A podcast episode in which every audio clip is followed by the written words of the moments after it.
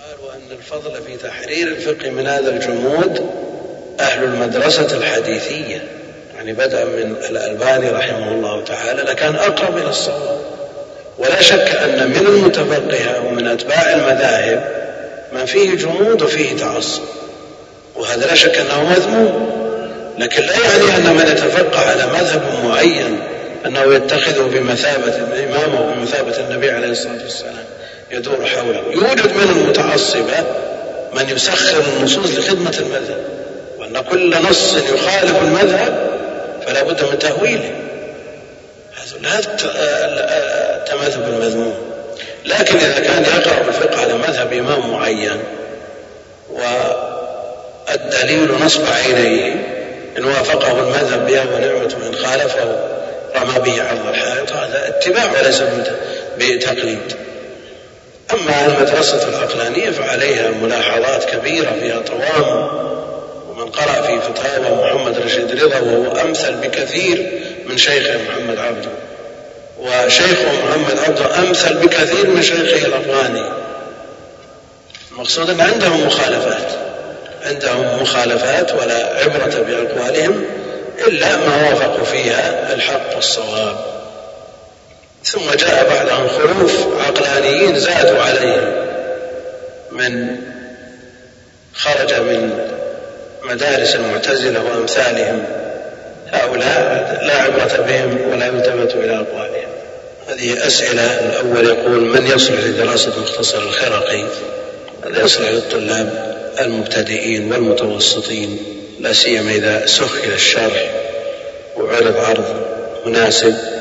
ويستفيد منه المنتهي إن شاء الله تعالى لا سيما إذا راجع الشروح التي أشرنا إليها. يقول ثانيا ما هو المنهج الأمثل للتدرج في الفقه الحنبلي؟ التدرج يقرأ مثل هذا الكتاب أو العمدة أو الدليل دليل الطالب ثم بعد ذلك يعنى الطالب بزاد المستقنع ومنار السبيل مع تخريج أحاديثه كلها كتب نافعة. ثم بعد ذلك يقرأ المقنع وما كتب عليه.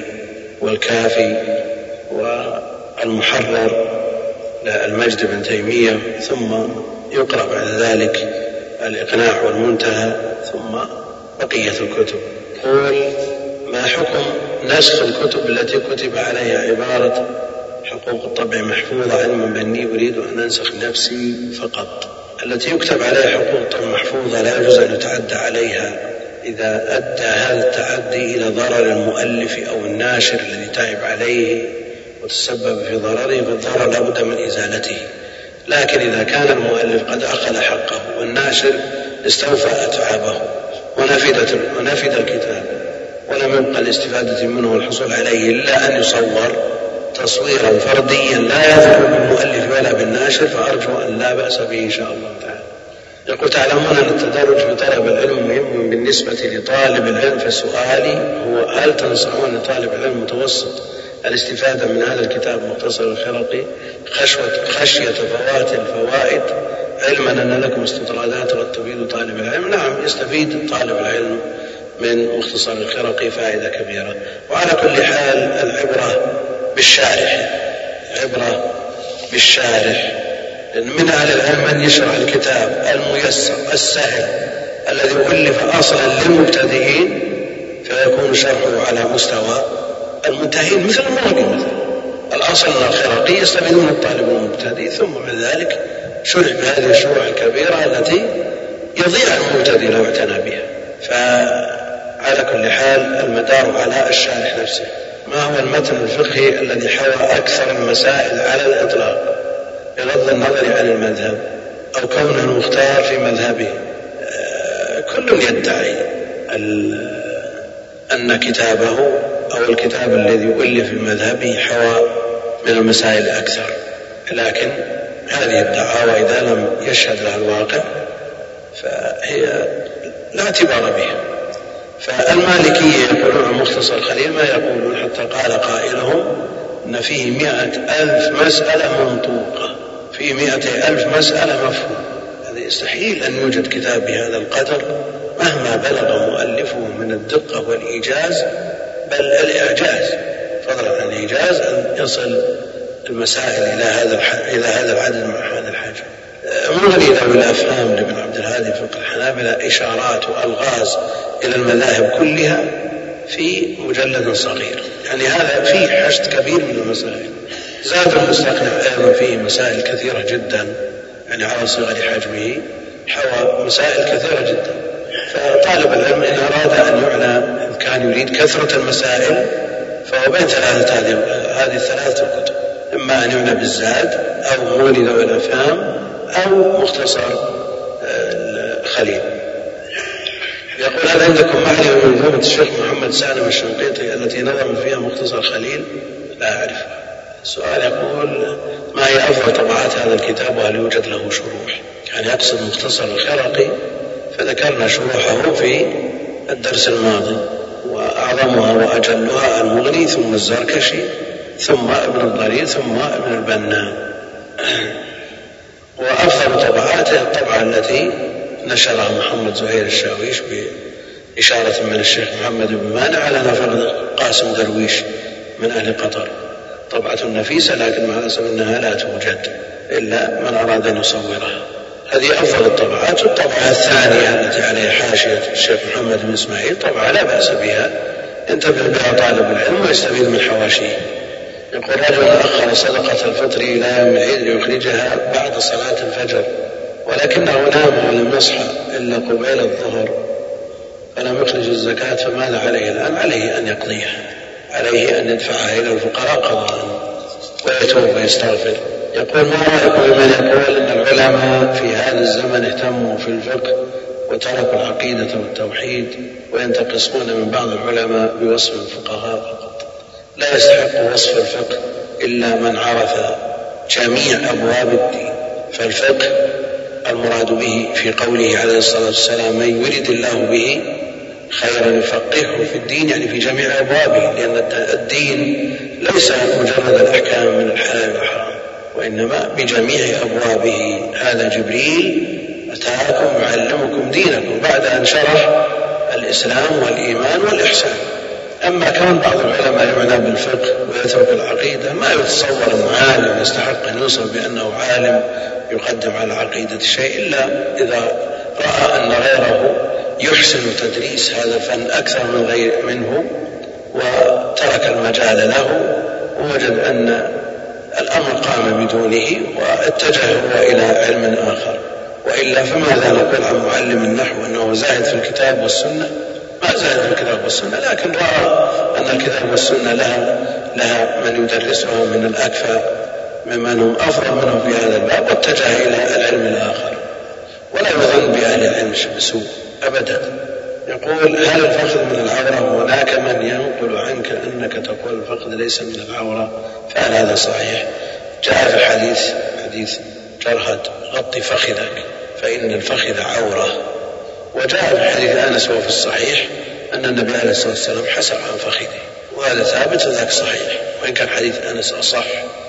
منهم من يحمل هذا على أنه عورة داخل الصلاة. وحسر النبي عليه الصلاة والسلام من فخذه خارج الصلاة. ومنهم من يقول أن هذا خاص به عليه الصلاة والسلام. وتغطية الفخذ للأمة. وقلنا في مناسبات أن تغطية الفخذ أكمل من من كشفه. فإذا طلب الكمال من الأمة فليطلب من نبيه عليه الصلاة والسلام من باب أولى. وعلى كل حال الأحوط تغطية الفخذ. وأما بالنسبة للصلاة فلا يجوز كشفه البتة. يقول أحب أن أنبه إلى مسألة وهي أن بعض الإخوة وأنا منهم لم نحضر لك دروس وهذا أول درس نحضره كنت أخشى أنني أسمع في الشرح أن يقال شرح بمناسبة أو مناسبات مضت فأرجو تكرما لأمر أن يكون الشرح شاملا من غير خلل ولا تطويل ويصعب أن نرجع إلى هذه المناسبات التي لم نحضرها. على كل حال ما شرح سابقا وما بسط يشار إليه إشارة آه، تنفع طالب العلم إن شاء الله تعالى ويكتفى بما مضى من تفصيل. يقول ما رأيكم منهج السالكين للعلامة ابن سعيد كتاب طيب ونافع ينفع طالب العلم أن يقرأه بنفسه. أما أن تجعل فيه دروس فالدروس إنما هي للكتب التي تحتاج إلى شرح. ومثل هذا الكتاب يفهم طالب العلم بغير شرح لأنه كتب بلهجة العصر. ولذا أقول لا يعول طالب العلم على كتابات المتأخرين إلا على سبيل النفل والزيادة على ما في كتب المتقدمين. يقول هل تنصح يا شيخ بحفظ هذا المختصر أو غيره. حفظه هذا مختصر من المختصرات لكنه يعوزه كثير من المسائل فلو وفر الحفظ لما هو أشمل منه كالزاد مثلا لكان أولى أولى يقول لاحظ أنكم دائما تنبهون على الاعتناء بالمنظومة الميمية في الوصايا والآداب العلمية للشيخ حافظ الحكمي وبما أنكم تعلمون أن في الدرس طلاب مبتدئون طلاب المبتدئين وكثير منهم يحتاجون إلى هذه الآداب التي تتعلق بطلب العلم فنقترح تجعلون بعد أسئلة الدرس من يقرأ هذه المنظومة تعلقون عليها لتتم الفائدة. هذه المنظومة تصلح في دورة في دورة لمدة أسبوع أو أسبوعين تنتهي إن شاء الله تعالى. ولا شك أنها في غاية الأهمية الشيخ رحمه الله وفق في هذه المنظومة كغيرها من مؤلفاته. يقول ما سبب مخالفة المذاهب للأحاديث الثابتة؟ سببها إما أنها لم تبلغ الإمام هذه الأحاديث ما لأن هذه الأحاديث لم تبلغ الإمام أو لأن الإمام فهم هذه هذه الأحاديث وهذه النصوص على وجه يخالف فهم غيره. أو لأنه وجد عنه وجد عنده أو هو وجد ما يعارض هذه الأحاديث مما هو أقوى منها عنده ولو من وجهة نظره. يقول ما الأولى قول رحمه الله ويرحمه الله. كلاهما سواء هو هو دعاء على كل حال بالرحمة للمدعو له. المرحوم آه، يكره جمع من أهل العلم لأن فيه ما يشبه الجزم لأنه رحم وانتهى. لأنه ثبتت له الرحمة. وهذا غيب لا يعلمه إلا الله فليتقى بقدر الإمكان. ومن قاله متأولا أنه مرحوم مثل رحمة. مرحوم اسم مفعول مثل رحمة ماضي. فيه ما يشعر بأنه رحم وانتهى وعلى كل حال يتقى بقدر الإمكان. ما الرأي الصحيح في منهج الموازنات في ذكر المساوئ فقط أو الجمع بينه وبين الفضائل في شخص من الأشخاص. على كل حال من آه، كثرت حسناته وعظم نفعه. مثل هذا لا يجوز أن تذكر مساوئه فقط بل لا بد من ذكر الحسنات والسيئات التي تذكر ينصح بها يبدأ به أولا فينصح سرا. فإن امتثل تذكر هذه المخالفات ولا تضاف إلى شخص بعينه. فيقال من من المشايخ من أفتى بكذا والصواب كذا وقد سألنا فلان من المشايخ الكبار فقال كذا. إن امتثل ورجع عن قوله وإلا فلا مانع من أن يصرح باسمه لا على سبيل التجريح مع مقدمة تبين منزلة الرجل. ولا يجرمنكم شنآن قوم على ألا تعدلوا أما إذا كانت مساوئه أكثر فمثل هذا يحذر منه بقدر الضرر المترتب عليه. يقول ليس المقصود بالآل هم أتباع النبي صلى الله عليه وسلم ومنهم آل بيته المتبعين لهم فيكون ذكر الصحابة بعدهم من ذكر الخاص بعد العام مما قيل في معنى الآل أنهم الأتباع على دينه إلى يوم القيامة وهذا قول معتبر عند أهل العلم. ولكن إذا ذكرنا الآل بالإفراد تبادر إلى الذهن ما يلفظ به عند بعض المبتدع الذين يقتصرون على العلم لا سيما وأن الناس يسمعون أقوالهم في كل يوم. فلا بد من, من تمييز المتبع من المبتدع.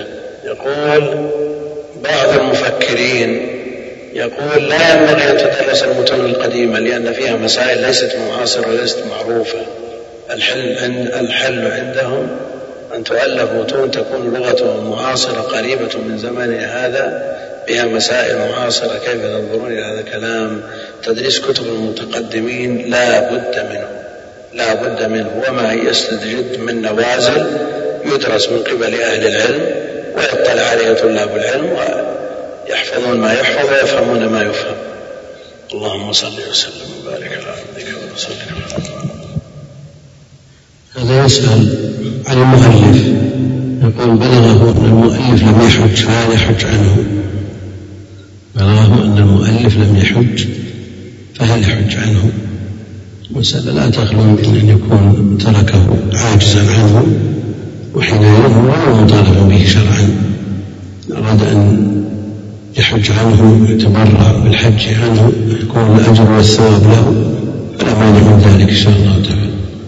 والطريقة المثلى لقراءة الشروح والكتب الكبيرة كالمغني أن خطا على المهم ثم يفرغه في مذكرة ذكرنا مرارا أن الكتب الكبار هذه تجرد وتسرد سردا ويكون بيد الطالب القارئ قلم ينبه على المسائل التي آه، تهمه ويضع لها عناوين ويكتبها على طرة الكتاب كما معروف عند أهل العلم.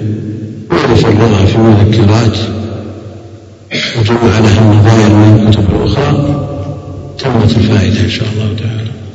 يكون الطريقة المناسبة لقراءة ومدارسة كتاب القواعد لابن رجب رحمه الله.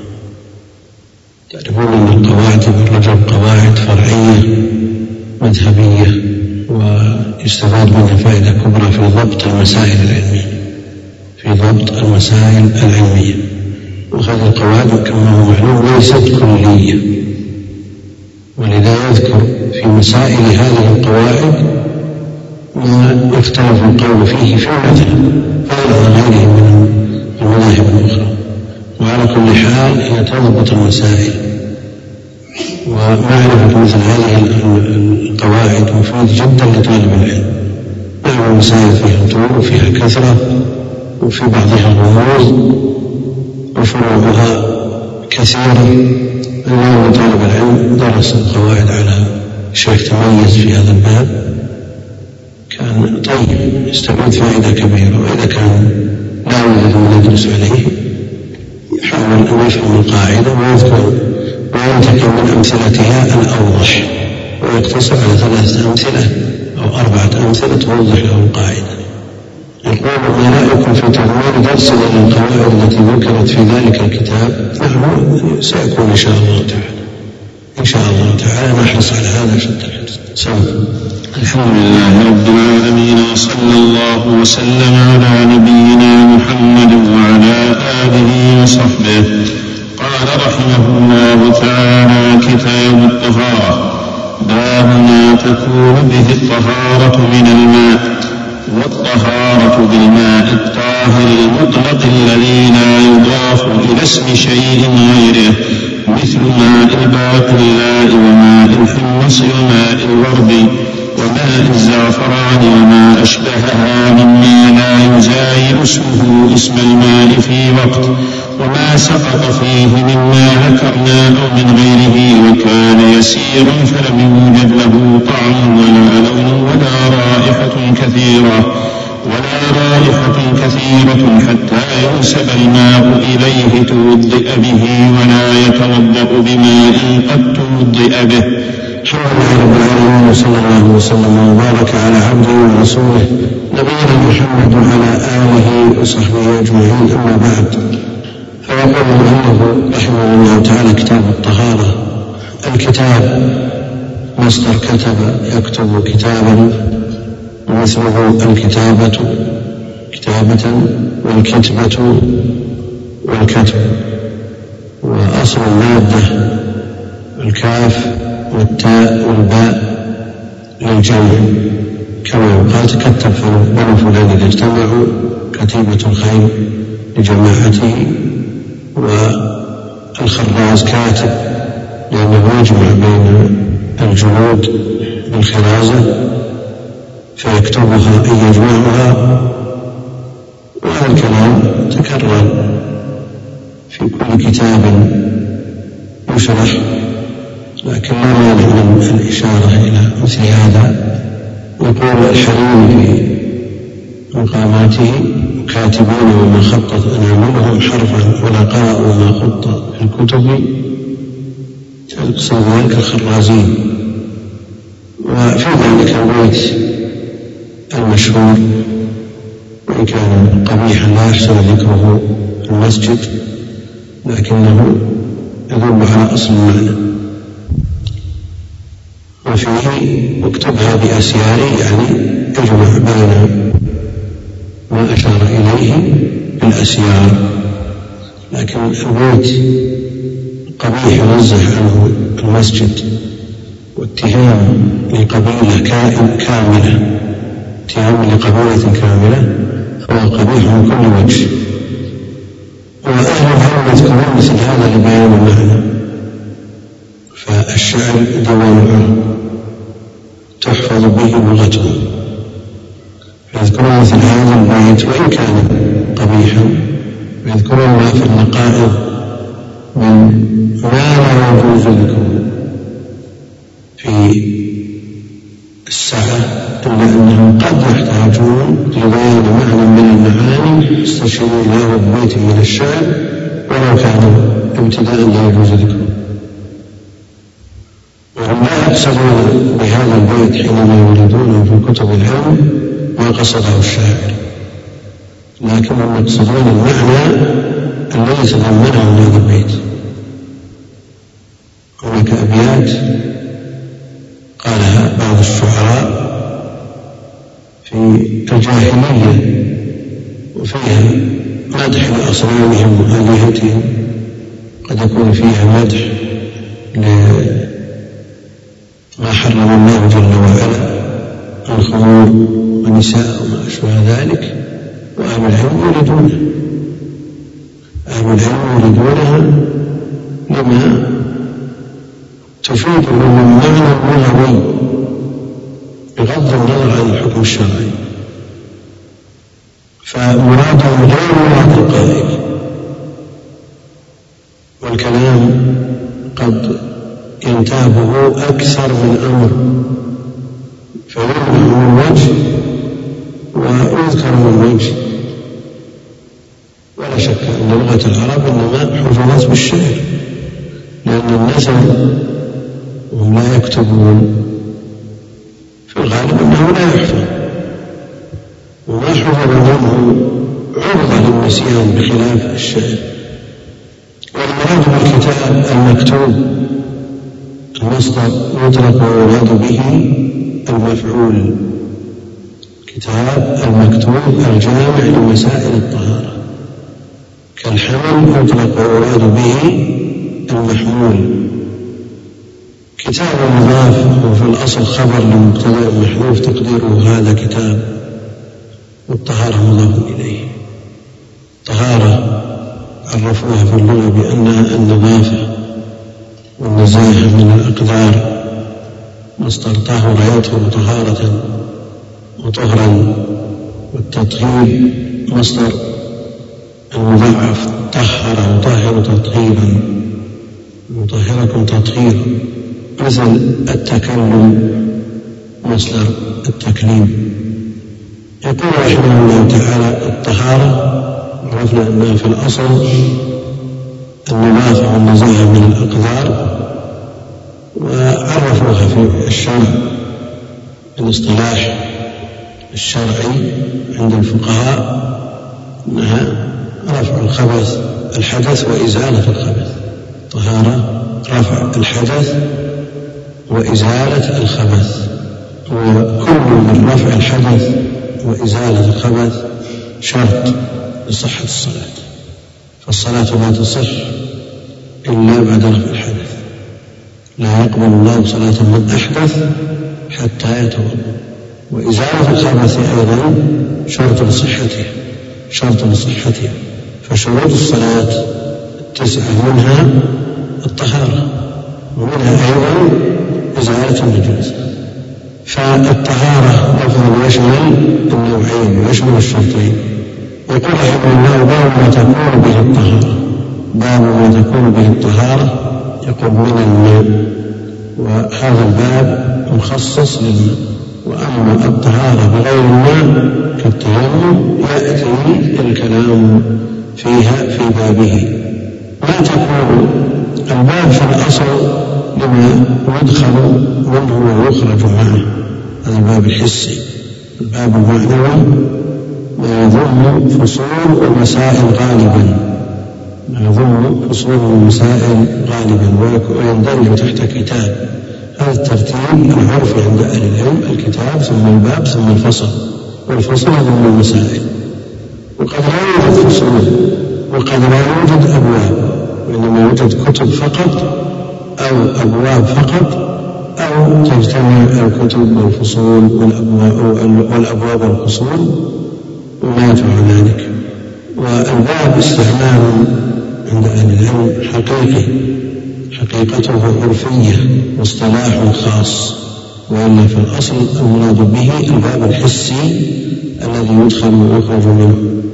والذين يكونون بالمجاز يكون يستعمل في غير موضع له فهو مجاز. باب ما تكون وما هذه موصولة باب الذي تكون وتكون هذه تامة تحتاج إلى فاعل ولا تحتاج إلى اسم خبر كما في قول الله جل وعلا وإن كان ذو عسرة يعني وإن وجد ذو عسرة يعني ما تكون به الطهارة. الطهارة إعرابها فاعل لكان فاعل لكان. من من هذه بيانية. بيانية كما بقوله جل وعلا فاجتنبوا الرجس من الأوثان وأن معروف وعرفه بعض المتأخرين بتعريف أخفاه على القارئ. كما أثر وعرف الماء بعد الجهد بالماء. ولا شك أن الأمور الظاهرة التي يعرفها الخاص والعام ويشترك في معرفتها الناس كلهم هذه تعريفها لا شك أنه سبب في ضياع حقيقتها. فإذا تركت بدون تعريف كان أمرها أظهر للناس. قال رحمه الله والطهارة الواو هذه موقعها استئناف لو قال الطهارة بالماء الطهارة بالماء كما جرت به العادة في أوائل الأبواب في جميع الكتب ما يعطفون ولا يذكر هذه الواو التي هي الاستئناف. نعم إذا وجد قبلها جملة أو في كتب الحديث وجد حديث سيما في المختصرات إذا قالوا عن أبي هريرة قالوا عن ابن عمر لأنه وجد ما يعطف عليه. وإذا وجد كما ثم انقطع وتم جاء الواو الاستئنافية.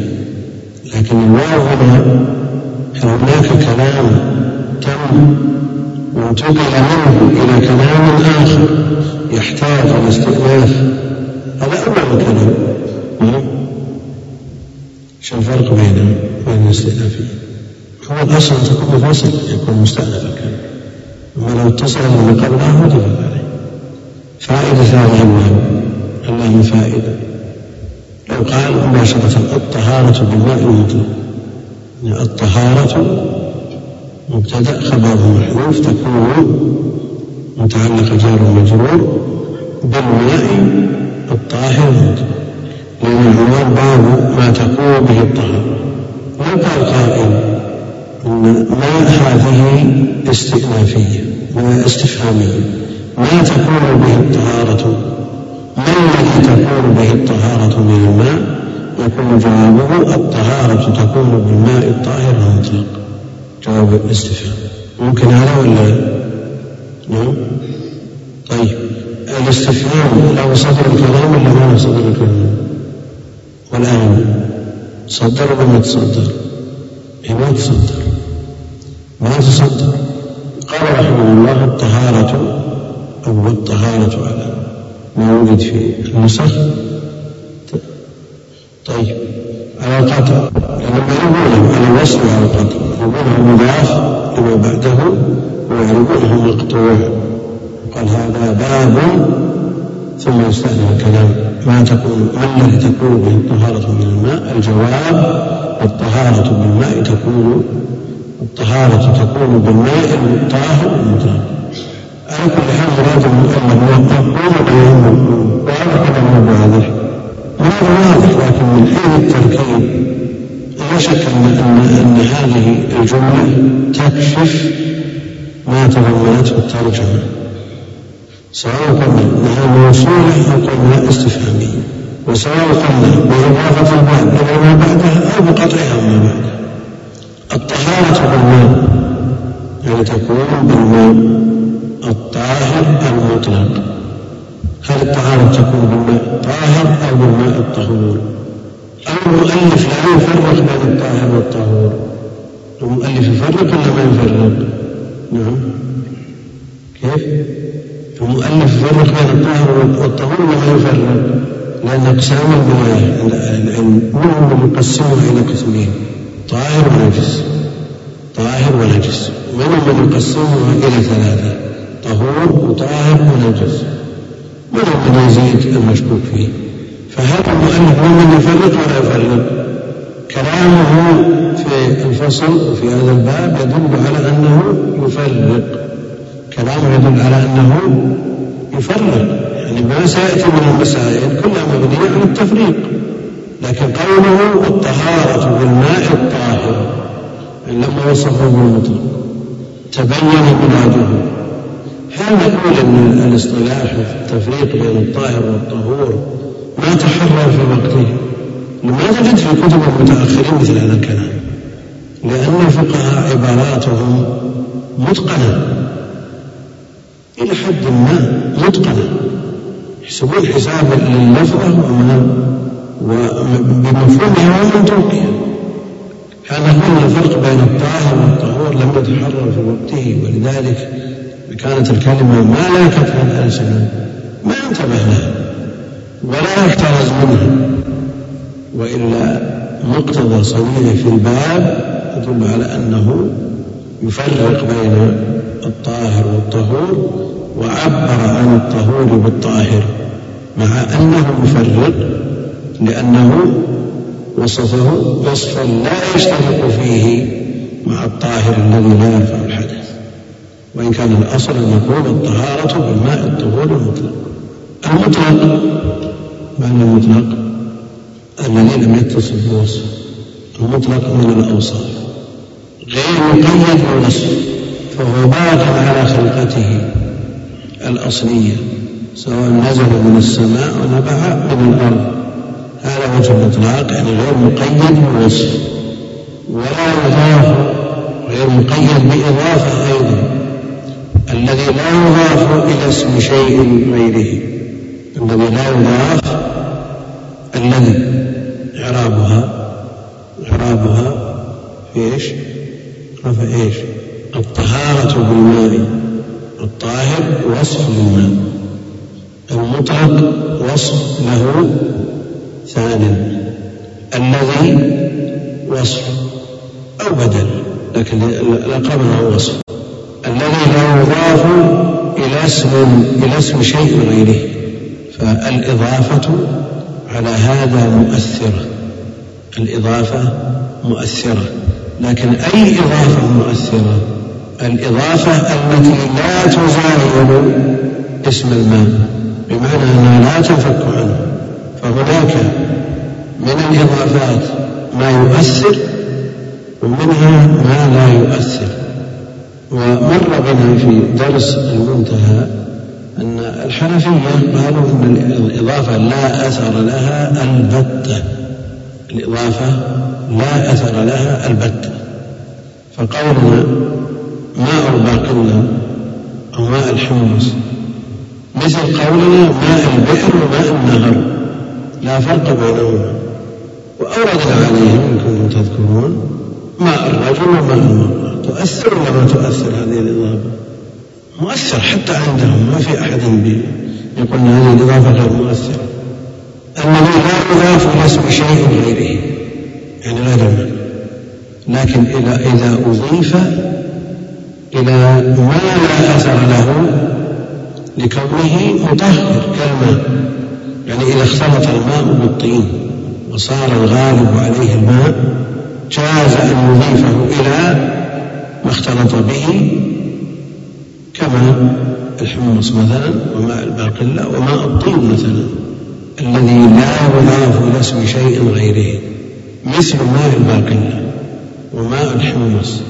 هذه هل يمكن فصل الماء عن المضاف إليه؟ بمعنى أننا نجعل الماء مستقل والباقي لا مستقل. الماء مستقل والحمص مستقل. الماء مستقل والورد مستقل. والماء مستقل والزعفران مستقل.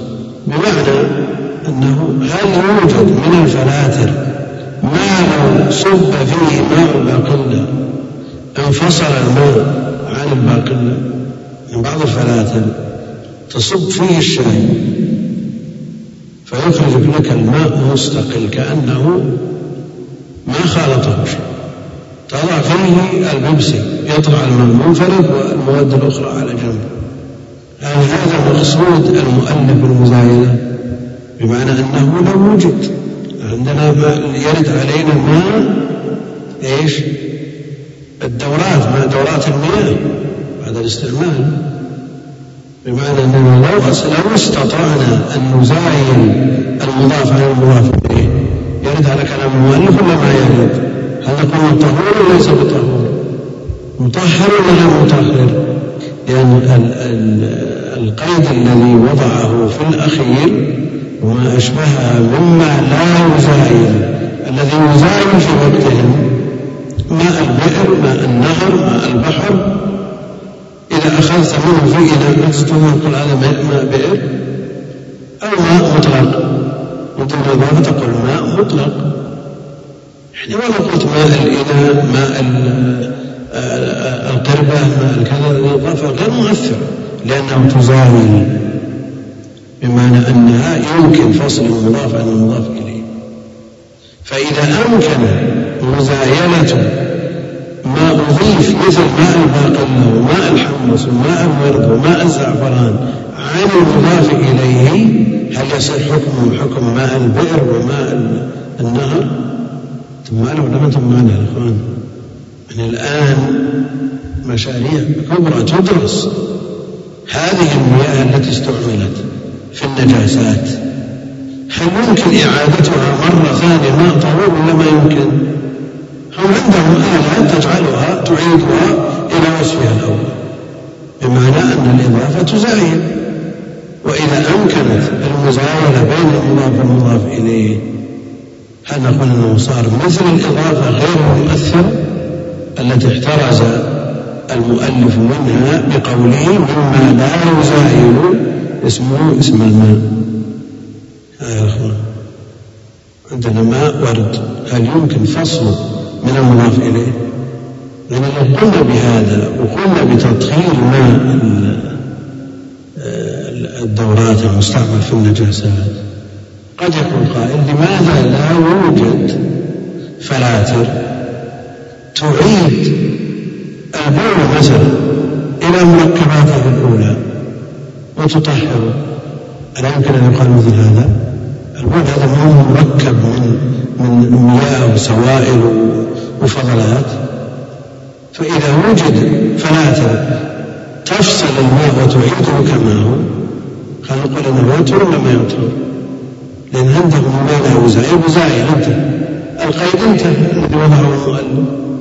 هو في غير متصور لكن في وقتها متصور إذا تصب الشاي بالفلتر يطلع لك ماء أبيض وفضلات ثانية سكر وماء وشاي كيف؟ يعني هل في يوم من الأيام نقول لا يوجد نجاسة عينية؟ بمعنى كل نجاسة يمكن تطير؟ يمكن أن نقول هذا. يرد علينا أنه يقول قد يمكن بعد وجود آلات الميتة المجمع على نجاساتها كالبول وغيرها. يمكن تطير نجاستها عينية عند أهل العلم قاطبة. لا يمكن تطهير النجاسة العينية لا يمكن تطهيرها بالاتفاق النجاسة العينية لكن إذا كنا واستطردنا بمثل هذا وفتحنا الباب وبدأنا بالماء الذي يقول يقولون عنه أنه يذهب هدرا في المجاري لماذا لا يعاد ويستعمل من جديد؟ مع إمكان تنظيفه بالآلات الحديثة. كيف؟ النجاسة على جنب والماء الباقي على خلقته الذي زايل الإضافة ورجع إلى أصله موجود. بمعنى أنه لا طعم ولا لون ولا رائحة ولا شيء. المناسب لوقته. المزايلة المناسبة لوقته. ماء البئر ماء البحر ماء النهر. أخذت منه في إناء ما تقول هذا ماء بئر ولا ماء بحر ولا شيء. لأنه زايل المضاف إليه يعني بمعنى أنه فارق المضاف إليه. لأن خلق مسألة توفرها لما لما وجد عنده لو ما توجد عند شخص واحد واستطاع أن يفرق بين يعيد كل المواد إلى أصولها يعيدها كما كانت. تكون يستخدم في سقي زرع في كذا في رش شوارع غير كل يستعمل العبادة الطهارة. الشر اللي بيعرف أصله ما هو شاري إلا في حال ضرورة. دائما هذا كله الشرب أمره أيسر من الطهارة أمره أيسر من الطهارة. لأن الطاهر يشرب لكن قد لا يتوضأ به وصار أبيض. فتحت الصمون وصار أبيض. ثم دقيقة واحدة ويعود إلى وصفه. يتغير الكلور ينتهي بسرعة. ما يستمر أبيض. هذا سهل أمره يسير اختلط بطاهر وزالت عينه. نعم. لو قالوا في يوم من الأيام البول نقدر نرجعه إلى إلى موادها الأصلية وهو بول يعني مجمع على نجاسته الخبث الطارئ مو بالخبث الملازم. يعني النجاسة الحكمية لا العينية. صارت حكمية ما صارت عينية. الموضوع يدرس بجد موضوع إعادة المياه المستعملة في النجاسات. إلى طهارتها موضوع يدرس بجد وقد تكون الحاجة داعية بل ملحة إلى مثل هذه الدراسة. نعم. يعني نطرد نطرد كلام المؤلف وإن أمكنت المزايلة فهو طهور إذا أمكنت المزايلة صار طهور. نعم. هو في الأصل ما؟ أنت شربت كأس ماء أو غيرك شرب كأس ماء فاختلط بفضلات البدن وخرج به نجس بالإجماع. يعني لو استرسلنا في الموضوع. ما بقيت نجاسة عينية ما بقيت نجاسة عينية كل مادة ترجع إلى أصلها أو تعود كما هي. وعندهم من مما أعلمهم الله إياه من العلم بظاهر بظاهر الحياة الدنيا. لا حقيقة حتى ولا الحياة الدنيا. عندهم من من من من الوسائل ما يتمكنون به. من شيء من هذا بل ما هو أشد من هذا. تمكنوا إلى أمور قد قد لا تخطر على بال بعض الناس. إنما يقول ما يصير فيه ولا رائحة. يستطيعون أن يعيدوا هذه النجاسة التي هي عند أهل العلم عينية بآلاتهم وبوسائلهم الدقيقة إلى أصولها وعناصرها شخص ما يدري وش؟ ما يدري. بيئة الكلام عليه. بيئة الكلام عليه. لكنها ما غيرت. نعم. لا الكلام كله في قول المؤلف وما أشبه مما لا يزاين اسمه اسم الماء. يعني لا يفارق. اسمه اسم الماء. يعني لا هذه الإضافة لا تنقطع ولا تنتهي بوجه من الوجوه. يعني عندهم ماء الباقي مستحيل. يتغير عن وضعه ماء الحمص وغيره ما أضيف إلا ماء البئر وما ما أشبه. لا لا لا. كون التفريق بين المخلل والمتخلل مسألة إمساك محرم. كون يمسك يمسكه هو الخمرة تختلف عن الماء النجس. الخمرة لا بد من إراقتها الماء النجس هل تلزم إراقته بناء على رواية مسلم في مولغ في الكلب فليلقه أو لئلا يأتي من لا يعرف حاله فيستعمله؟ أو نقول أنه له استعمالات أخرى لا يلزم الإراقة. وسيأتي في كلام المؤلف في آخر فقرة في الباب. يأتي هذا. بعناصر كلها.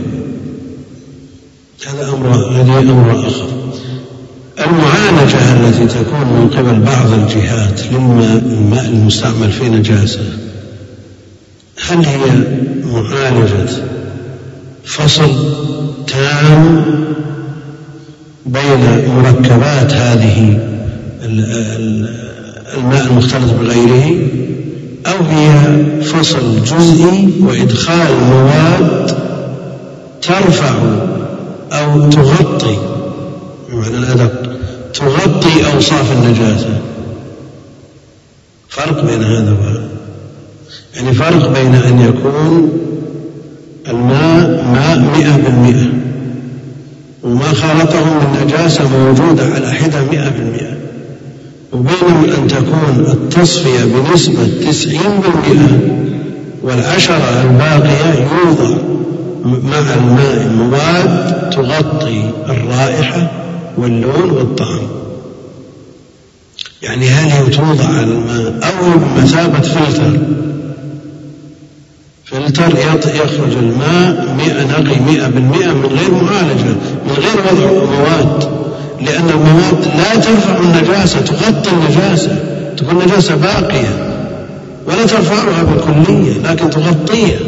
تغطي بعض أوصافها الباقية في هذا الماء المكرر. نعم. وما حولها نعم وما حولها كيف؟ الآن حديث حديث الفأرة هذا إذا وقعت في سمن. هل السمن جامد ولا مائع؟ الآن حديث حديث الفأرة هذا. إذا وقعت في سمن هل السمن جامد ولا مائع؟ جامد ولا مائع؟ شوف القولة الخفية في الحديث؟ هل هو جامد ولا مائع؟ إن كان جامد ما ما تنجس وإن كان مائع وغلبت فيه ماتت وحينئذ اختلف فيه. واضح ولا ما صارت مثل. نعم. البحر ماء الأرض يرقى موجود وهو في مقره طاق لا هو وصف وصف المزايرة وعدم المزايرة يبيه بنك مدخل ومخرج. فإن أمكنت المزايرة على أي وجه كان هو طاهر. إن لم تمكن المزايرة على أي حال وليس بطاهر أنت نظرت إلى ما يمكن تصوره من المزايرة كماء البئر وماء البحر وماء القربة وماء النهر وما أشبه ذلك. أنت متصور هذا باعتبار أنه عاش في عصر لا يمكن فيه إلا لكن يخلقون تعلمون ممكن يجيب أشياء ما نتصور على كل حال هو لما ذكر هذا الكلام بناء على ما يدركه هو في وقته نعم لو كانت المسألة نص شرعي من كتاب أو سنة صحيحة قلنا أن هذا يدخل فيه كل ما يحتمل ولا يأتي لكن هذا كلام بشر. كلام بشر لا يتصور فيه النصوص فلا يعامل معاملة النصوص فلا يعامل معاملة النصوص وأمثلة كلها الطاهرات أمثلة التي ذكرها وأمثلة كلها الطاهرات ويقدر أنه لا يتصور مزايدة المضاف إلى شيء نجس ما يتصور هذا يعني أصابنا ماء الزعفران وأخرجنا الماء أبيض. لا يختلف بأي حال من الأحوال الماء البئر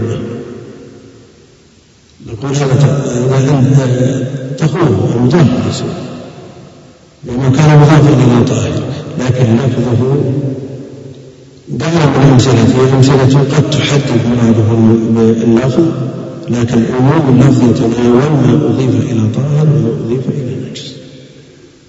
لأن المسألة مزايدة مفارقة. مفارقة ما أضيف إليه. إذا مغطون النجاسة ما شيء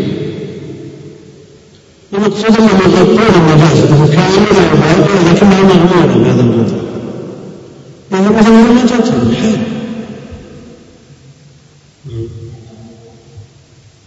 لا هو الإشكال يحتاج في مثل هذا. إما أن نقول باقية على نجاستها أو نقول أنها ارتفعت عن النجاسة وصارت صالحة للاستعمال فيما يطلب فيه الماء الطهور ونفترض أنه هذا ترشح من المزاج تسقى منها الزروع ولا يتطهر يتقبل الناس ولا يسردون هذا المثال أنا يمكن أن تأتي على ثوبه بدنه ما نقول يغسل فلا يغسل مسألة مسألة مسألة طهارة ونجاسة إما هذا وإما هذا. فإن أمكنت إن أمكن إعادة الماء بمفرده على حدة وما خالطه على حدة هذا يمكن أن يقال به عن هذا على حسب سمعنا أنه لا يمكن مئة بالمئة نعم يمكن بنسبة سبعين ثمانين تسعين بالمئة والبقية الباقية يجعلون معهم مواد تغطي هذه النسبة الباقية وهي موجودة كاملة في الماء. كاملة مستقرة في الماء لا يمكن رفعها إنما يغطونها بالمواد كالكلور وحينئذ لا يجوز يبقى أنه إما طاهر ولا نجس هو لا يستبعد لا يستبعد هو غير اللي يصب فيها بمس سوى المنحال والمركبات الحال هذا موجود. ولا بعد ان يوجد مسافه الصف 100% لا يستبعد أيضا هذا الكلام أنا أردت هذا قبل قلت لو تردنا هذا نقول إنه لا يوجد نجاسة عينية. وقد أجمع العلماء على أن العين لا يوجد إذا كان النجاسة عينية يا أخي الدورات المياه التي تقضى فيها الحاجات من أجزائها البول أصل البول صارت بالماء البول عبارة عن إيش؟ نشرت كوب ماء بعد ساعة البول من أين لا يكون؟ خلطه بعض فإما أن يحسب الباب بالكلية ويقال ماء تنجس خلاص انتهى ما يستفاد منه إلا بإدفاع حريق وشبه وإلا يقال إن أمكن وجود ماء طاهر في عناصره ومركباته موافقا له الطهور من كل وجه وإلا لا بد من حسب هذا كأنه ينتقد الإطالة في مثل هذه المسألة.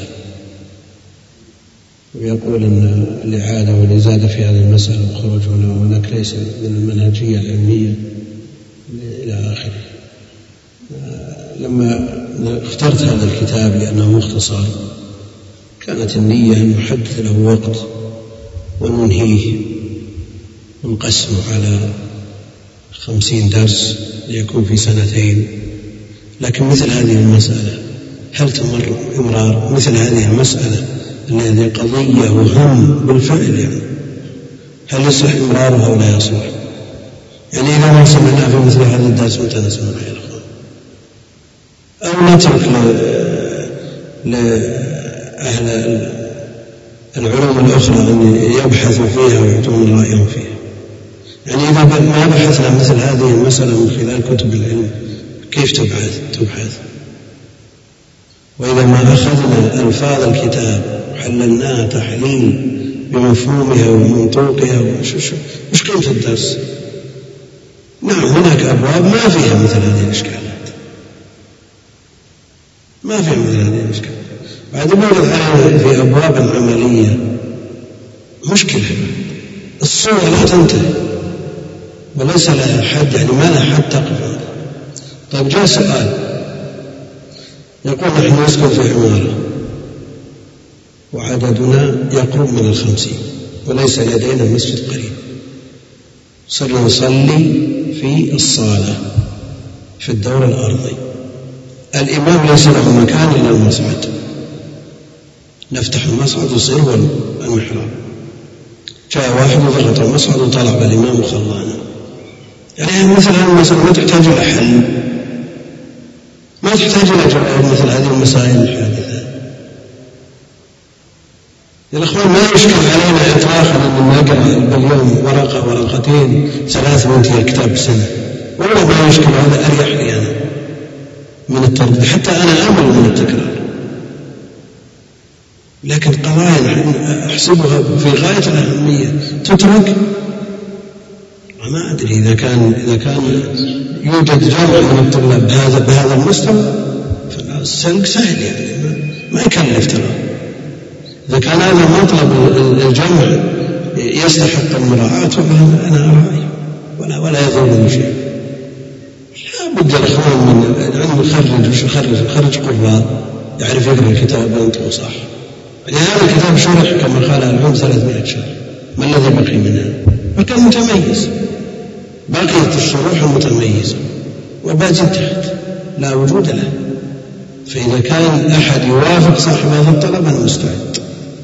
مستعد الآن بين الله واللقاء ونكمل الباب وهذه عانينا منها كثيرا يأتي من من يشد أو يمد أخي ما عجبك الدرس الحمد لله يوجد مشايخ يمشون على ما تريد يا أخي.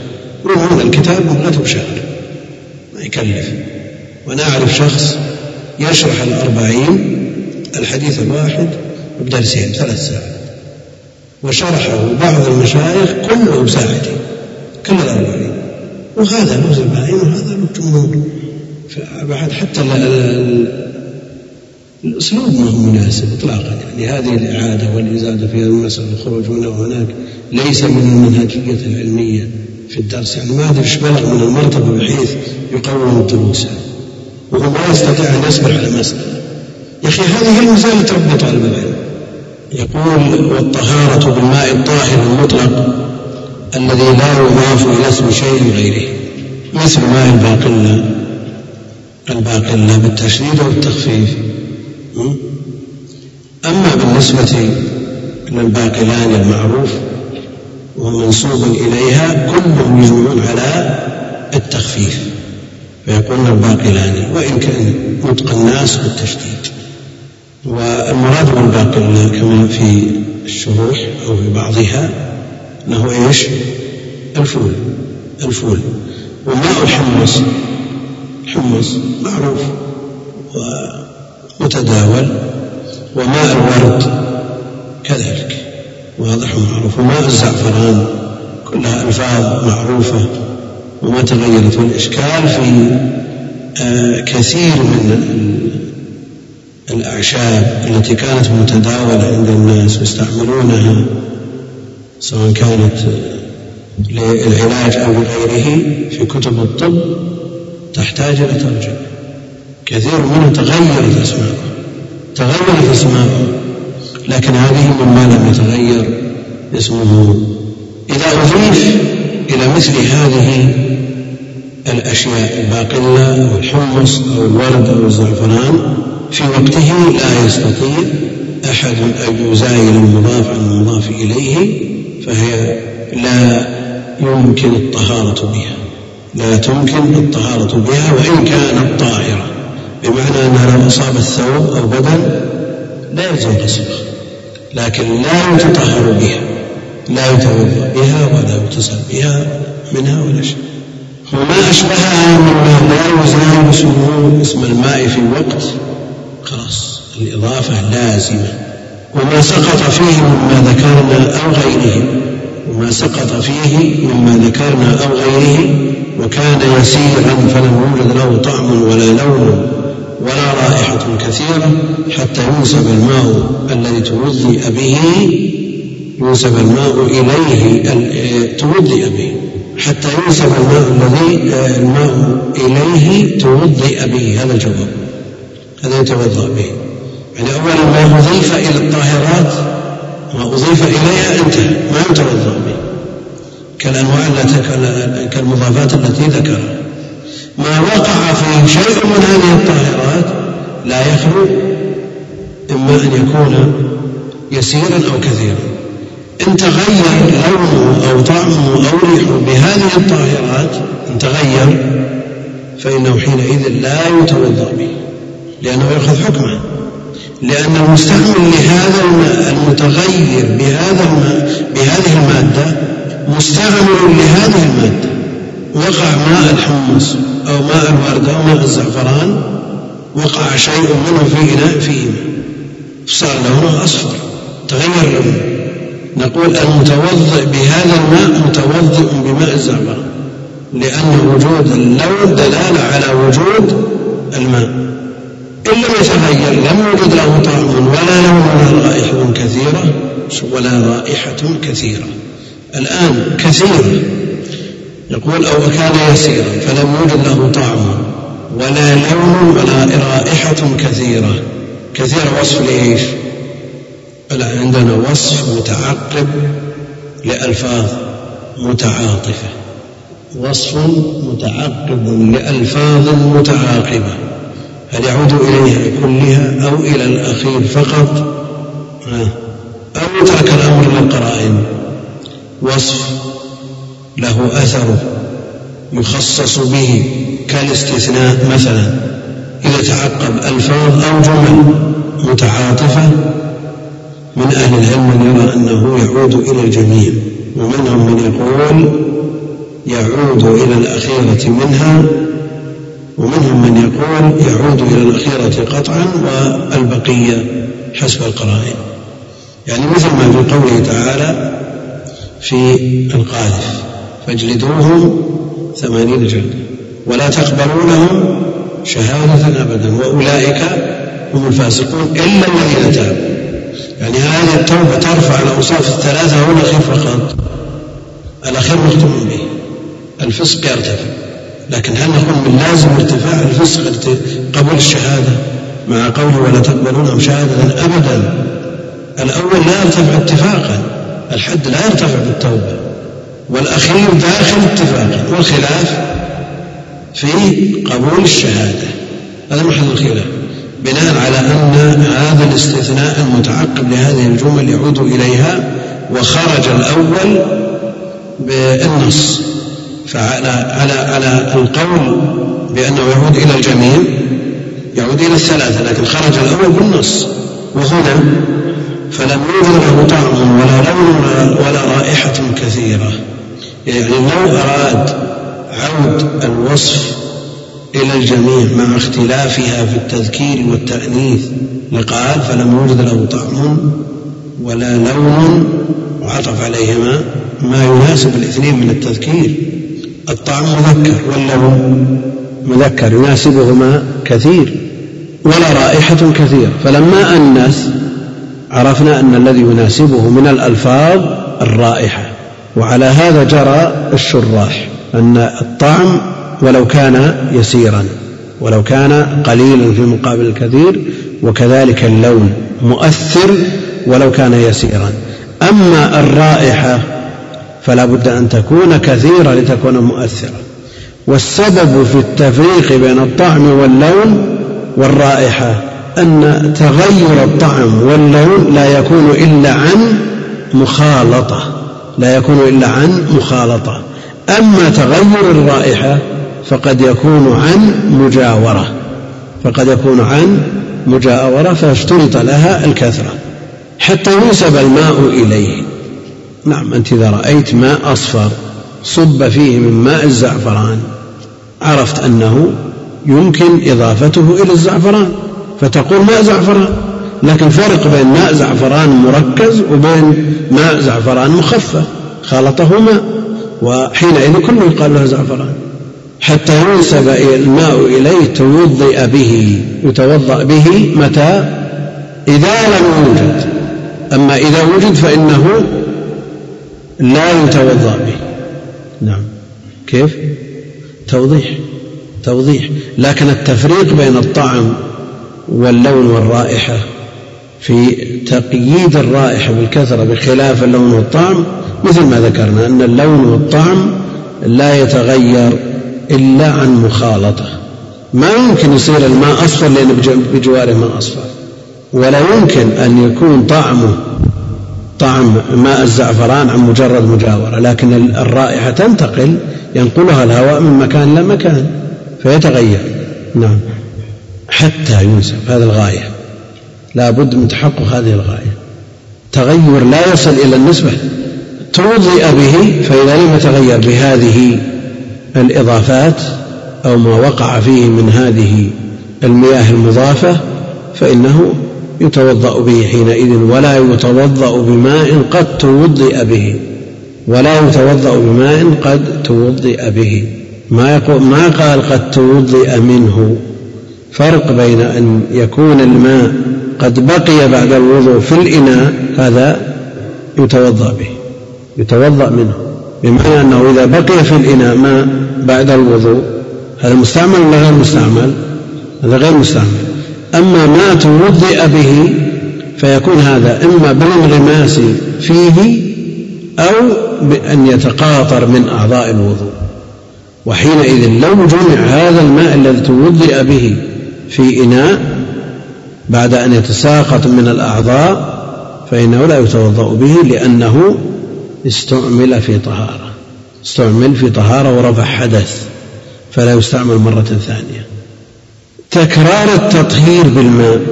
يعني الماء توضئ به مرة وثانية وثالثة ورابعة وعاشرة سواء كان في رفع حدث أصغر أو أكبر وصار مستعملا مرارا. هل هذا يزيده طهارة أو يجعله طاهرا؟ لا يمكن. الوضوء به لأنه رفع به حدث على ما جرى عليه المؤلف تطهر به مرة ومرتين وثلاث. منهم من يرى أنه أولى بالطهارة من الماء الذي لم يستعمل لأن الطهور عند هذا القائل صيغة مبالغة والمبالغة لا تستحق إلا مع التكرار والكثرة فالطهور ما تطهر به مرارا الطهور كثير التطهير لأنه كطهر فلان وفلان وفلان كلهم استعملوه. فالطهور ما يتكرر منه التطهير كالشكور الذي يتكرر منه الشكر. هذا قال به بعضهم قال إن الماء المستعمل أولى بالطهارة من الماء غير المستعمل لأن الصيغة تدل على هذا. ظاهر ولا مو ظاهر؟ قال هذا ذكره البغوي وغيره أن الماء المستعمل كل ما يستعمل مرة وثانية وثالثة وعاشرة وعشرين يتكرر منه التطهير يستحق صيغة المبالغة. فيكون طهور كالشكور الذي يتكرر منه الشكر. يعني الذي يحمد الله ويشكره في اليوم مئة مرة. هو مثل الذي يحمده ويشكره ألف مرة؟ لا. فضلا عن من يحمده ويشكره مرة مرتين. الذي لا يستحق وصف المبالغة. هذا هذا القياس وجيه ولا غير وجيه؟ وجيه ولا غير وجيه؟ غير وجيه. لماذا؟ نظروا إليه من حيث التركيب اللغوي. إيه؟ الشرع والحس والعقل كلها رد هذا الكلام نعم. الشرع الحس أيضا الواقع العقل كلها رد هذا الكلام لأننا ننظر إلى أن الاستعمال له أثر في الماء ولا له أثر؟ نعم له أثر. الاستعمال له أثر في الماء وهذا الاستعمال ولو مرة واحدة يزيد الإضافة وينقص من إضافته ينقص من إضافته ثم مرة واحدة تجد اللون فيه تغير والناس يتفاوتون في هذا استعمل مرتين أشد تغير. ثلاث أشد. فانتقل من وصفه الأصلي قبل التغير إلى وصف آخر. والله أعلم. صلى الله وسلم.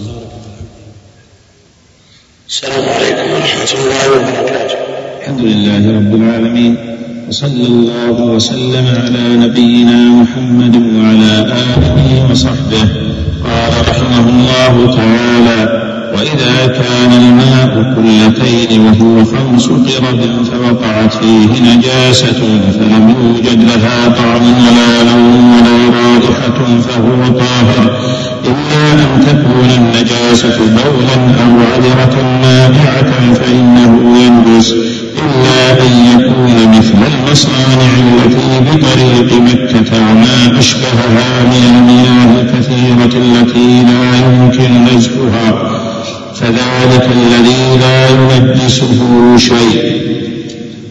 نكمل الشيخ وإذا مات في الماء اليسير ما ليست له نفس سائلة. مثل الذباب والعقرب والخنفساء وما أشبهها فلا ينجسه ولا يتوضأ بسؤر كل بهيمة لا يؤكل لحمها إلا السن وما دونها في الخلقة وكل إناء حلت فيه نجاسة من ولو كلب أو بول أو غيره فإنه يرسل سبع مرات إحداهن بالتراب. وإذا كان معه في السفر إناءان نجس طاهر واشتبها عليه أراقهما وتيمم. الحمد لله رب العالمين وصلى الله وسلم وبارك على عبده ورسوله نبينا محمد وعلى آله وصحبه أجمعين أما بعد. فيقول المؤلف رحمه الله تعالى في آخر ما قرئ في الدرس. الماضي ولا يتوضا بماء قد توضئ به قد توضئ به. ولم يقل منه لأن ليس ليس مراد المؤلف ما يبقى بعد الوضوء في الإناء مما يؤخذ بعد ما يؤخذ منه في الوضوء أو الغسل إنما ما يباشر أعضاء المتوضئ. وما يتناسب من أعضائه بعد الغسل أو يبقى في الإناء بعد الانغماس فيه المقصود بالماء الذي نبه عليه المؤلف بقوله ولا يتوضا بماء قد توضئ به يعني ما يباشر أعضاء المتوضئ. وما يبقى بعد انغماس المغتسل. وليس مراده ما توضئ منه بمعنى أنه أخذ منه للوضوء أو الغسل بأن يتناول كما قال أبو هريرة تناولا يعني منه أما من غمس فيه المغتسل أو تساقط من يد المتوضئ أو رجله أو وجهه كل هذا لا يتوضأ به لأنه رفع به حدث لأنه رفع به حدث. واستدل على ذلك بمنع الغمس القائم من نوم الليل يده في الإناء حتى يغسلها ثلاثة. وقال لولا أن هذا الغمس يؤثر في الماء لما نهي عنه. واستدل أيضا بالنهي عن الاغتسال في الماء الدائم ولولا أن الاغتسال وهو رفع حدث الحدث الأكبر يقلب الماء من كونه مطهر إلى كونه غير مطهر لما نهي عنه والنهي سواء كان في هذا أو ذاك محمول عندهم على التحريم وما دام الغماس محرما في حال الغسل وغمس اليد لا يجوز في الماء حتى تغسل ثلاثا والبدن طاهر. واليد طاهرة فلا يحال النهي على غسل نجاسة وإنما يحال على رفع الحدث. المقصود أن من قال بهذا القول هذه حجته. ومن أهل العلم من يرى أنه لا أثر لذلك أنه لا أثر لرفع الحدث بالماء لأنه طاهر باشر طاهرا كما لو اغتسل فيه للتبرد. كما لو اغتسل فيه للتبرد لا أثر وكما لو اغتسلت به ذمية فإنه لا يؤثر إن غمست فيه ذميا لا يؤثر غمست فيه مسلما وكلاهما من أثر جماع يؤثر. يعني هذا التفريق عند من عند عند من يقول بأنه لا يؤثر في التفريق لا أثر له. التفريق لا أثر له. بناء على أن رفع الحدث معلل وأن له أثر فيما يلابسه. إذا قلنا أن رفع الحدث يؤثر فيما يلابسه وما يخالطه وما ينفع به على ما يراه المؤلف.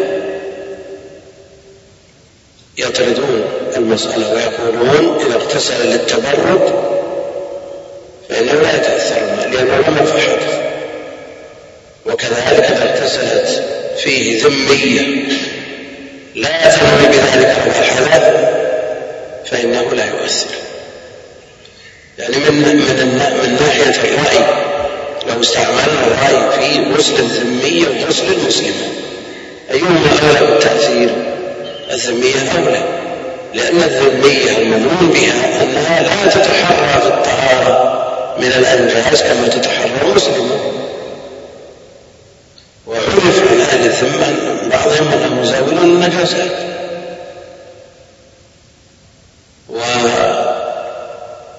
وبعضهم أو كثير منهم لا يستنجي لأنه لا يتدين بذلك. فتأثيرها في الماء أقوى من تأثير المسلم. فإذا منعنا هذا في المسلم منعناه في الذمية من باب أولى وعلى هذا الأساس يكون مرد المسألة إلى رفع الحدث أو إلى استعمال الماء في الحدث أو في غيره. وإذا قلنا بهذا طردنا هذا في المسلم والذمية في الغسل الواجب والمستحب والمباح الذي هو التبرد والعقيد فإما أن نقول أنه يؤثر في جميع هذه الصور أو غير مؤثر.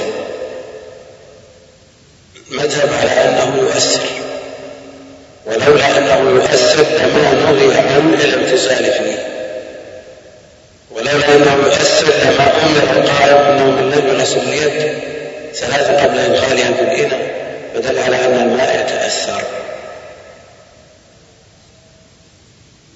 افترضنا أن هذا مغتسل اغتسل قبل حدثه بدقائق. بالماء والصابون تنظف بأنواع المنظفات ثم انغمس في الحدث. يؤثر ولا يؤثر؟ يؤثر. إذا ليس مرد ذلك تأثر الماء ببدن المغتسل. ولو كان المراد به تأثر الماء ببدن المغتسل ما فرقنا بين المسلم والذمي ولا بين أنواع الأغسال الواجبة والمستحبة والمباحة. لكن هم نظروا إلى الأحاديث وقالوا أن النهي يقتضي التحريم والتحريم لا شك أنه لولا أنه يؤثر في الماء لما نهي عنه. من يقول بالقول الآخر؟ يقول أن التأثير لا ينقله عن كونه مطهر إلى كونه طاهر غير مطهر. إنما التأثير في تقديره على من يريد استعماله مرة أخرى. وأما بالنسبة للماء فلا يتأثر. بالنسبة للماء لا يتأثر. فيستعمل ولا يستعمل قبل ذلك. يكون طاهر مطهر والقول الأول طاهر غير مطهر. فتقدير على من يريد استعماله يكون بالغسل الواجب ويكون بالغسل المستحب والمباح. على حد سواء من مسلم وغير مسلم. إذا قلنا بأن الكافر نجاسته حكمية لا عينية معنوية لا حسية وهو قول الجمهور. أما من يقول بأن نجاسته حسية ينجسه ورواية عن أبي حنيفة رحمه الله وهي رواية أيضا في المذهب لكنها غير مشهورة أن الماء الذي يغتسل فيه ينجس. يصير نجسا. يصير نجسا. لماذا؟ لأن الاغتسال قرن بالبول أحدكم في الماء الدائم ولا يغتسل فيه من الجنابة. فقرن به فدل على أن الحكم واحد. البول منع منه للنجاسة إذا الاغتسال منع منه للنجاسة. فالأقوال في المسألة ثلاثة. القول الأول مشى عليه المؤلف أنه طاهر لكنه لا يتوضأ به. ولا حدثا مرة أخرى. القول الثاني أنه طاهر مطهر وأشرنا سابقا إلى أن من أهل العلم من يرى أنه أولى بالتطهير من غير المستعمل لأن الطهور هو المطهر الطهور صيغة مبالغة فيراد منه ما تكرر ما يتكرر منه التطهير كالشكور ما يتكرر منه الشكر والقول الأخير المسألة هو القول بنجاسته بناء على دلالة الاقتران في الحديث. ودلالة الاقتران في الحديث. ضعيفة ويجمع الجميع تلقنا بنجاسة ما بال فيه من خالف هذا النهي فاقتران الاغتسال فيه لا يدل على نجاسته وإنما يدل على مجرد المنع من الفعلين. والأثر بالنسبة للبول التنجيس على ما سيأتي والأثر بالنسبة للاغتسال التقدير. تقدير على من يريد استعماله من رآه يغتسل فيه لا يشرب منه ولا يغتسل فيه مرة ثانية لا سيما إذا كان آه، قليلا. يطردون هذا الحكم ويجعلونه مضطردا في أبواب الدين في غير الطهارة. مثلا عندهم استعمال الماء على درجات الأكمل لرفع الحدث للوضوء والإغتسال وما دونه للشرب والطبخ وما أشبه ذلك. وما دونه النوع الثالث لا يحبس إلا لإطفاء حريق وشبهه والنجس فالأول الطاهر والثاني الطاهر والثالث النجس. يطردون هذا الحكم فلا يجيزون رمي الجمرة بحجر قد استعمل لا يجوزون لماذا؟ قياسا على الماء المستعمل في رفع الحجر الجميع استعمل في عبادة وأديت به هذه العبادة وسقط الطلب بهذه التأدية فلا يسقط الطلب مرة أخرى. لكن المنع من الحجر الذي سبق الرمي به تأثره بالرمي مثل تأثر الماء بتكرار رفع الحدث به لا يختلف الحجر لا يتأثر البتة لا يتأثر وبالنسبة للماء نعم يتقثر على المستعمل مرة أخرى لكن تأثيره بسلب الطهورية منه محل النزاع والمتوجه أن النهي في الموضعين في الماء الدائم وغمس اليد بالنسبة للقائم من نوم الليل كله للتحريم لكنه معلم بالتقدير بكونه يكون آه، مقدرا بالنسبة لمن يستعمله مرة مقدورا بالنسبة لمن يستعمله مرة أخرى وأما بالنسبة لسلبه الوصف الأصلي وهو التطهير فلا. قال قلتين وهو خمس قرب فوقعت فيه نجاسة فلم يوجد له طعم ولا رائحة ولا لون فهو طاهر. وإذا كان الماء قلتين وهي خم خمس قرب المؤول في هذا الحكم على حديث ابن عمر. سئل النبي عليه الصلاة والسلام عن الماء وما ينوبه من السباع. عن بئر بضاعة حديث ابن عمر. وما ينوبه من السباع قال فقال عليه الصلاة والسلام إذا كان الماء قلتين لم يحمل الخبث. مفهومه أن ما دون القلتين يحمل الخبث. والحديث فيه كلام طويل لأهل العلم. وفي اضطرابه سندا ومثلا كلام مبسوط عند أهل العلم. ما قيل في اضطرابه ما جاء في بعض الروايات يعني أكثر الروايات على قلتين وبعضها قلة أو قلتين وبعضها ثلاث قلال وفي بعضها أربعين قلة. لكن مثل هذا الاضطراب إنما يكون مؤثرا إذا تساوت الروايات ولا يمكن الترجيح بينها. وهنا الراجح رواية القلتين.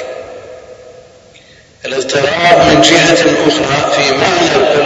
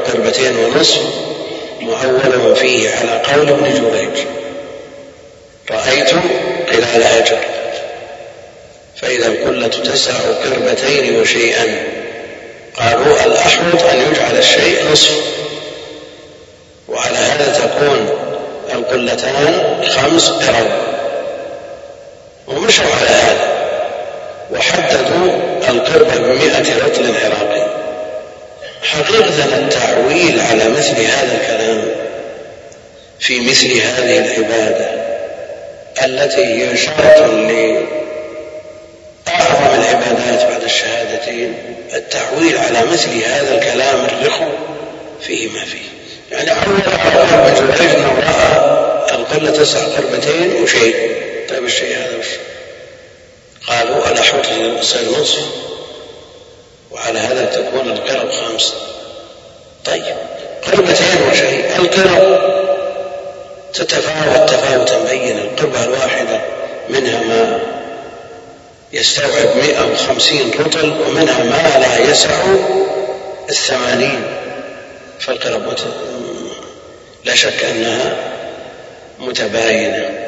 لأنها جلود جلود الظعن والمعز والظعن والمعز متفاوتة الأحجام وكل واحد من جلودها يقال له قربة فالتعويل في مثل هذا الحكم العظيم على مثل هذا التقدير. الرخو في كلام ابن جريج. مشكل. ولذا يرى شيخ الإسلام ابن تيمية رحمه الله تعالى ومن يصحح الحديث. نعلم أن يضعف الحديث انتهى ما عنده مشكلة. وضعفه جمع من أهل العلم لكن من يصحح الحديث ويريد أن ينفك من هذه الإشكالات؟ يقول يعمل بمنطوقه دون مفهومه. وهذا رأي شيخ الإسلام رحمه الله أن الماء الكثير لا يتأثر بالنجاسة. حتى يتغير. ومفهومه أن الماء القليل يتأثر بمجرد ملاقاة النجاسة وهذا ملغى. المفهوم ملغى. لماذا ألغي المفهوم؟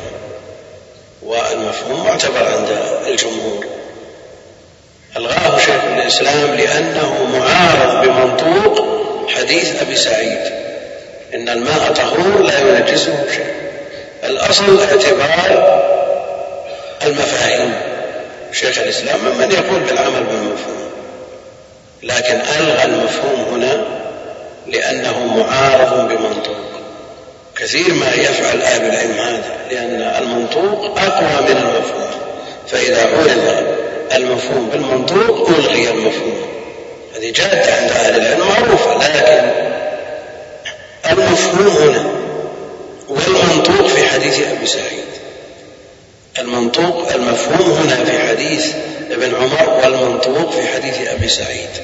هل هما في درجة واحدة؟ من حيث المنطوق والمفهوم لا شك الحديث أبي سعيد أقوى لأنه منطوق وهذا مفهوم. من جهة أخرى حديث أبي سعيد عام وحديث ابن عمر خاص. يعني حديث منطوق حديث أبي سعيد عام. ومفهوم حديث ابن عمر خاص.